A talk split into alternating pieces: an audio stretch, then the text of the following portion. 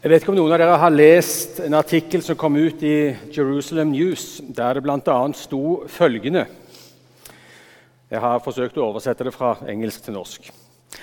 Denne uken, under den årlige feiringen av Jesu oppstandelse, ble millioner av mennesker sjokkert over nyheten om at en kropp identifisert som Jesus ble funnet i en grav som man lenge har oversett og ikke har blitt undersøkt. Rykter har versert de siste ukene at en meget viktig oppdagelse er gjort, og den vil bli kunngjort. Nyheten går langt utover hva vi trodde var mulig.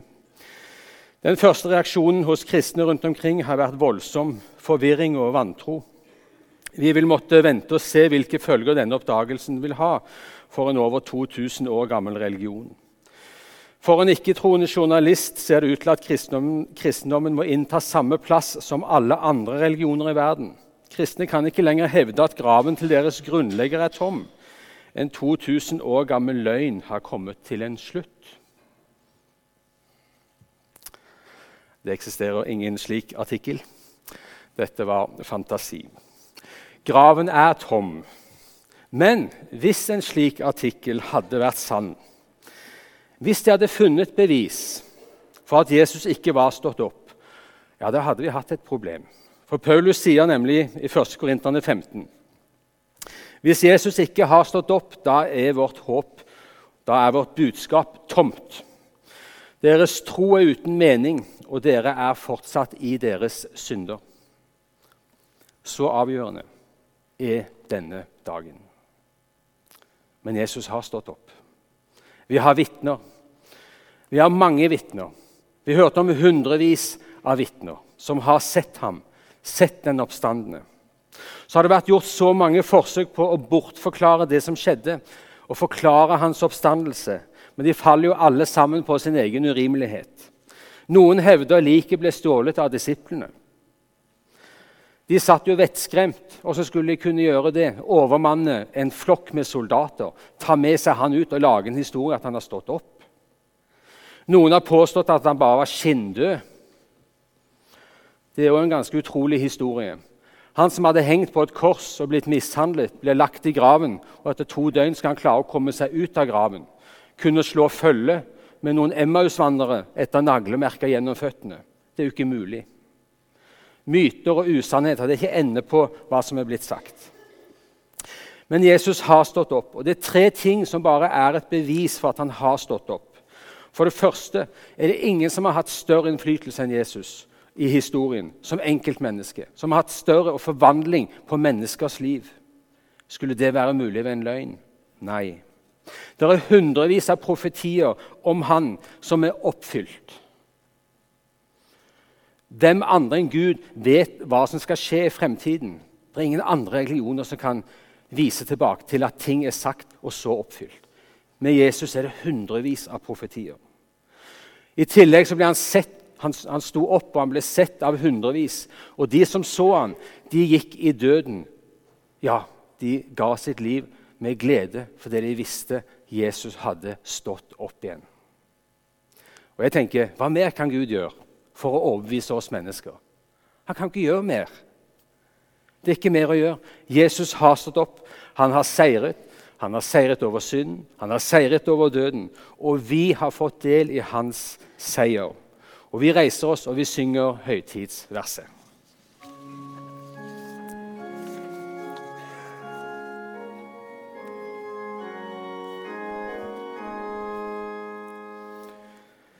Han er oppstanden store bu.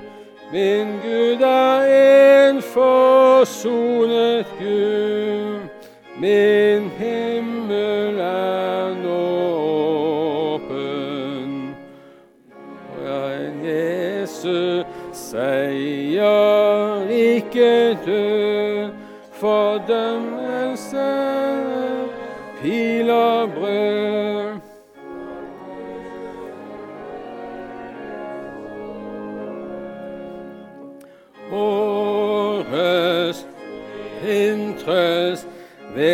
hans seier som jeg eier. helvet bever. Han var død, men se han lever.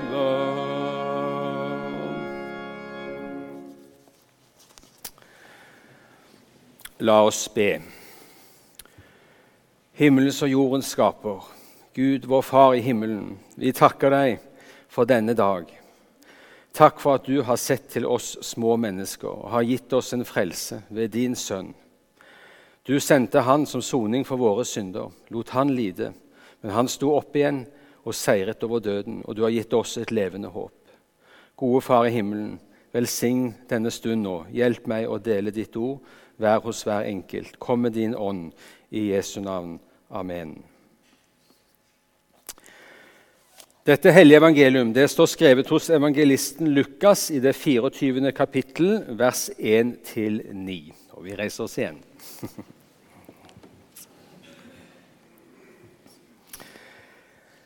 Ved daggry den første dagen i uken kom kvinnene til graven og hadde med seg de velluktende oljene som de hadde laget i stand. Da så de at steinen var rullet fra graven, og de gikk inn, men fant ikke Herren Jesu kropp. De visste ikke hva de skulle tro, men med ett så sto to menn hos dem i skinnende klær. Kvinnene ble forferdet og bøyde seg med ansiktet mot jorden. Men de to sa til dem, 'Hvorfor leter dere etter den levende blant de døde?' 'Han er ikke her, han er stått opp.' 'Husk hva han sa til dere mens han ennå var i Galilea.' 'Menneskesønnen skal overgis i syndige menneskers hender og korsfestes.' Og den tredje dagen skal han stå opp. Da husket de hans ord, og de vendte tilbake fra graven og fortalte alt dette til de elleve og til alle de andre. Slik lyder Herrens ord.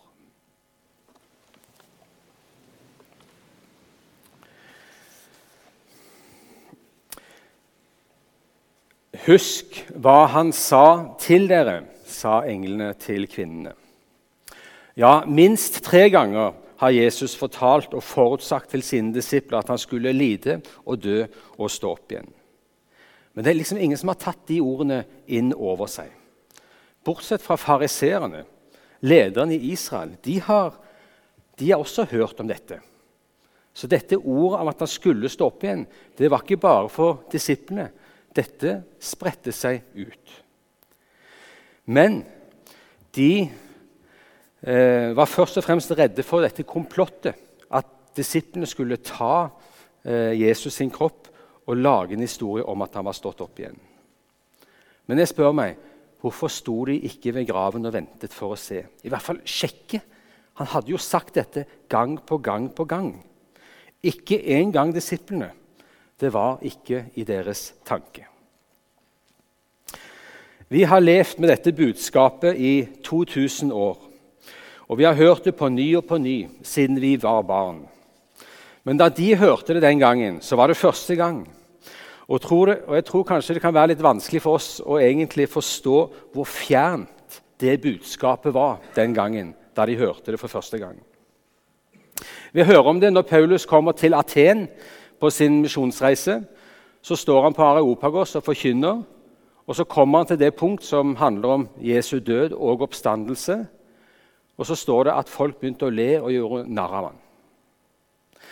Ved en senere anledning, i apostelgjerningene 26, så kan vi høre om Paulus som forsvarer seg for kong Agrippa.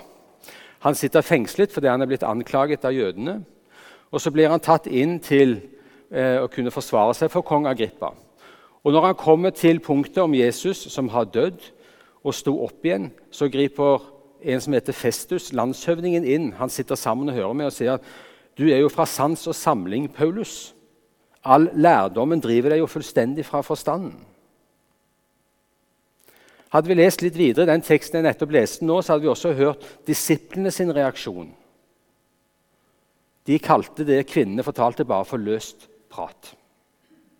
Jesu egne disipler.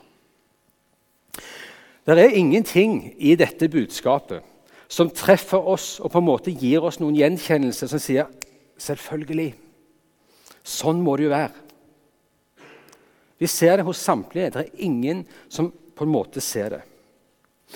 Men det vitner jo så sterkt om at dette vitnesbyrdet om at Jesus sto opp igjen, ja, det er det ikke mennesker som har funnet på. Det kommer fra Gud. Paulus sier det selv i 2. Korinterne 2,9. Det intet øye så, intet øre hørte, det som ikke kom opp i noe menneskehjerte, det har Gud åpenbart ved sin ånd. Men det er kanskje ikke så rart at det var vanskelig for disiplene og kvinnene å tro. De var vitner til å se Jesus lide og dø. De var vitner til at folket skrek 'korsfest'. De så Jesus mishandlet og forkommen da han bar korset sitt. De så Jesus bli naglet til korset, de så han bli løftet opp. Inntrykkene må ha vært sterke.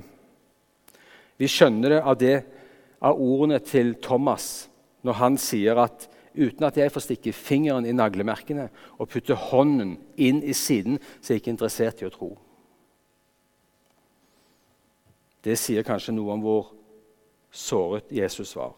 Et så ødelagt, mishandlet menneske. Nei, han kan ikke våkne til liv igjen.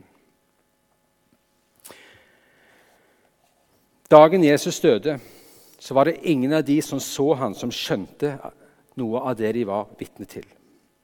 Det står jo at den ene etter den andre bare hånte Jesus da han hang der. Og Det de ser når Jesus dør, det er jo bare en bekreftelse på at den mannen han er forlatt av Gud. Han er en stor bløff. Men så er det én som begynner å se noe. Den ene røveren på korset.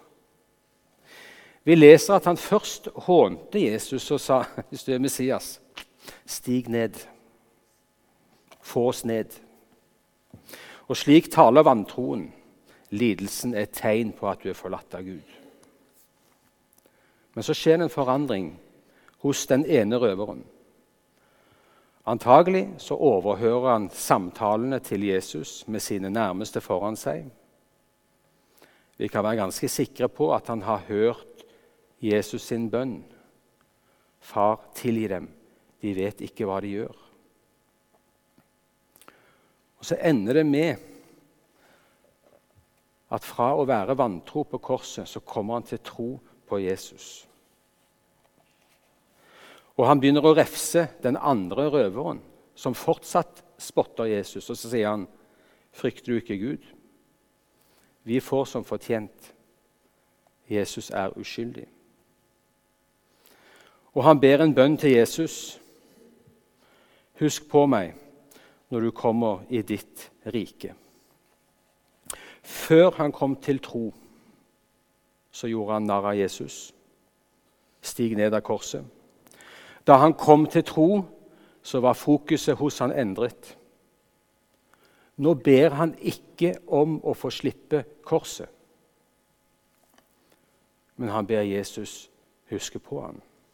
Med andre ord, han ber ha barmhjertighet med meg. Nå ser han at hans håp, hans frelser, henger ved siden av ham. Det er nesten ikke til å tro. Han så det før han døde. Vi leste fra 1. Korinterne 15, der Paulus sier Kristus døde for våre synder etter Skriftene.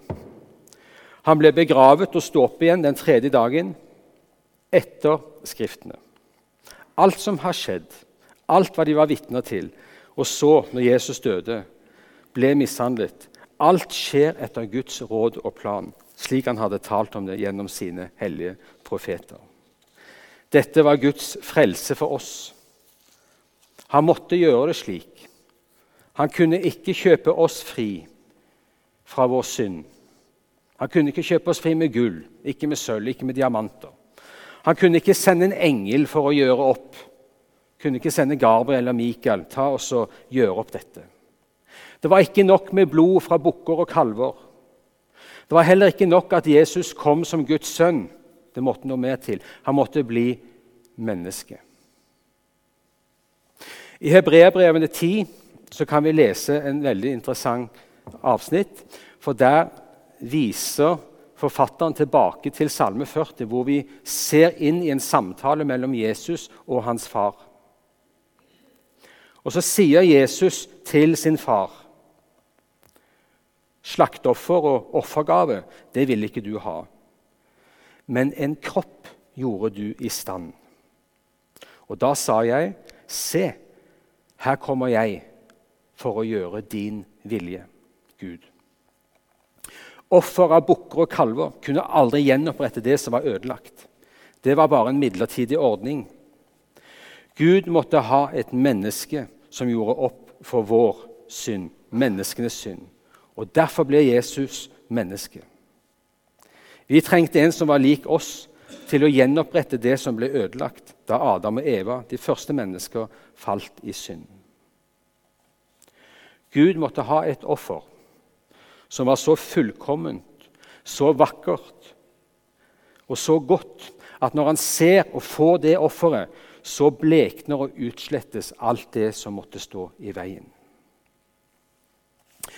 Jesus sier i Johannes 17.: Far, timen er kommet. Herliggjør din sønn, så sønnen kan herliggjøre deg.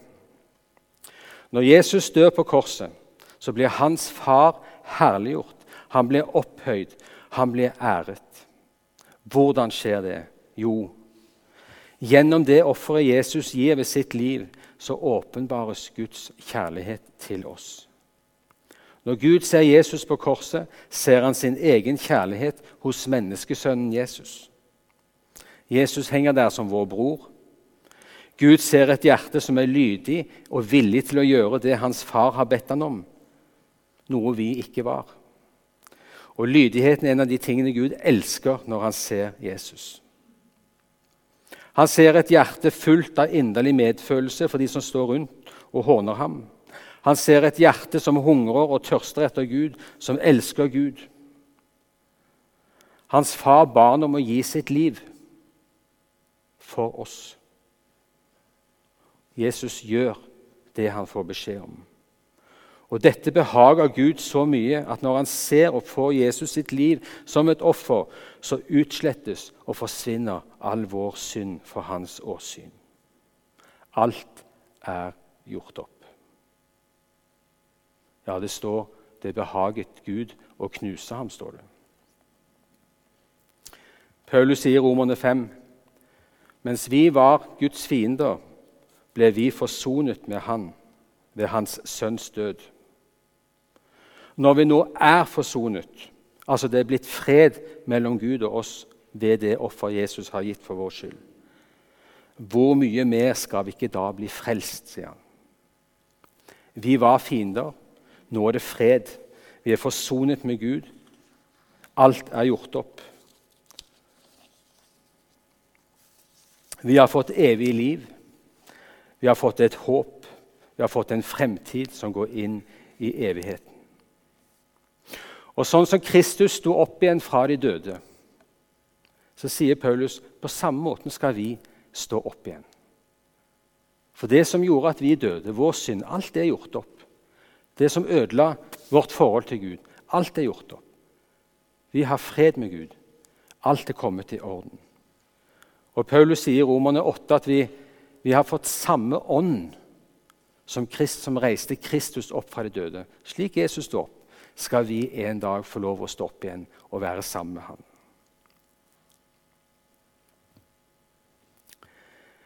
Vi leser i evangeliene at det er Maria som er det første vitnet.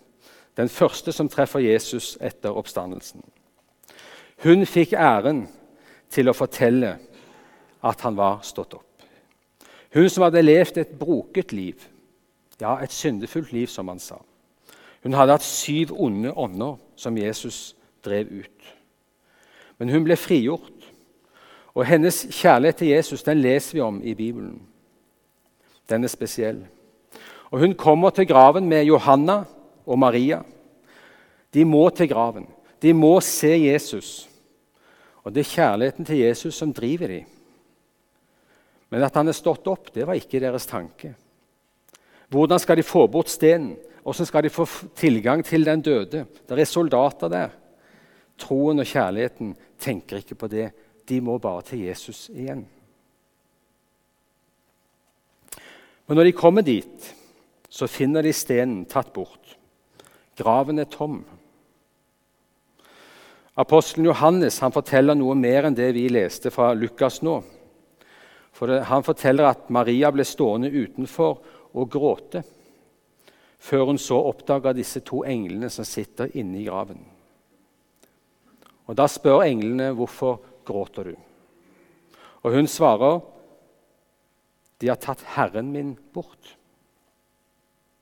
Det er jo litt underfulle ord. Hun har sett ham dø, men han lever fortsatt. De har tatt Herren min bort. Jesus er fortsatt hennes herre. Så snur hun seg, og så får hun øye på Jesus. Hun tror det er gartneren. Hun kjenner han ikke igjen. Men så spør også Jesus, 'Hvorfor gråter du?' Han vet svaret, men likevel så spør han om det. Og Vi ser at Gud ofte stiller spørsmål som han vet svaret på, for å få oss til å komme med en bekjennelse. To ganger blir Maria spurt om hvorfor hun gråter. Det er ikke noe å gråte for. Det er akkurat som under spørsmålet ligger Husker du ikke hva jeg sa? Jeg skal stå opp igjen. Når Jesus kom til Martha og Maria den gang Lasarus døde, så ser Jesus hvordan folket gråter. Og Da står det at Jesus gråt. Hvorfor sa han ikke da 'Slapp av, folkens, jeg skal vekke opp Lasarus igjen'? Det er ikke nødvendig å grine nå. Nei, den gangen så oppfylte han sine egne ord, som han sier til, gjennom Paulus bl.a.: Gled dere med de glade, gråt med dem som gråter ha medfølelse, inderlig medfølelse for hverandre. Det gjorde han da. Men nå gråter ikke Jesus. Han gråter ikke med Maria nå. Nå er det ingenting å gråte for, for Jesus har stått opp. Foran henne står Han som er oppstandelsen og livet. Han er seierherren. De onde makter som hun hadde vært fanget av tidligere, de har han overvunnet. Døden, djevelen, alt er seiret over. All synd er gjort opp. Og så er vi gitt et håp om at vi en dag skal stå opp igjen på samme måten. Med våre legemer, med våre kropper. Og Det er jo fantastisk å lese når Jesus åpenbarer seg for disiplene. Når vi leser litt ute i Lukas, så står det at han dukker opp på kvelden, og de tror de ser en ånd. Men Jesus sier, 'Ta på meg, Kjenn på meg. Det er kjøtt og bein og blod. Han ber om mat. Så konkret er oppstandelsen. Så sier han navnet til Maria. Da først kjenner Maria Jesus igjen. Og Legg merke til det, for det er ved å tale til henne at hun gjenkjenner Jesus. Jesus åpenbarer seg alltid for oss ved sitt ord. Det er gjennom ordet han vil at vi skal se han. Og Det samme er vi vitne til litt senere på dagen, oppstandelsesdagen. For når Jesus slår følge med disse to gutta som er på vei til Emmaus, så kan vi lese at øynene, det var skjult for dem at det var Jesus. Han kunne jo ha vist seg med en gang, men han gjør ikke det. Han begynner å gå gjennom Skriftene og vise hvem han er gjennom Skriftene. Og Da hører vi at hjertene deres brenner. Først når de ser Kristus i Skriften, gjennom Ordet, så blir han synlig. Vi må først se Jesus i Ordet. Vi tenker nok gjerne som Thomas vi må ha bevis. Det hjelper å se tenker vi. Ha noe konkret foran oss. Men det er faktisk ikke sånn det er. Det leser vi også i Lukas. For det står at når Jesus viser seg for dem, så skriver Lukas at de først trodde de så en ånd. Og det er så uvirkelig at han sier de kunne enda ikke i glede tro, sier han. Altså, men de bare undrer seg. De skjønner ikke hva de ser. Og Det er vel en grunn til at også Jesus sier senere at han må gå bort for at de skal klare å tro dette og sende sin ånd. Og Når Den hellige ånd kommer, Da skal han forklare oss alt. Det er til det beste at når vi har Ordet og Den hellige ånd, så blir Jesus synlig for oss. Men en dag skal vi slippe å tro. En dag skal vi se Han i levende livet. En dag skal vi omfavne Han. En dag skal vi ta på Han. En dag skal vi sitte til bords. Da skal troen opphøre, sier Paulus. Nøkkelen til å forstå det vi har hørt, det er Skriften. Og Jesus eh, viser dette eh, på slutten i Lukasevangeliet. Og Der kan vi lese at Jesus sier følgende Det var dette jeg talte om da jeg ennå var sammen med dere, og sa at alt måtte oppfylles som står skrevet om meg i Moseloven, hos profetene og i salmene. Da åpnet han deres forstand, så de kunne forstå Skriftene. Han åpnet forstanden så de kunne forstå det de leste. At Skriften vitner om Jesus fra begynnelse til slutt. Om hans død og opp, hans oppstandelse. Alt skjer etter Skriftene, hørte vi Paulus si. Ja, det er et ufattelig budskap som vi er satt til å forvalte, til å forkynne og dele. Døden er overvunnet. Vi har fått et håp som bare sprenger alt. Det er et lys, det er fremtid med Gud. Så må vi be om at Gud må åpne vår forstand, så vi kan både se, vi kan få vokse mer inn i dette, og ikke minst vi må gi det videre. Kristus er oppstanden. Amen.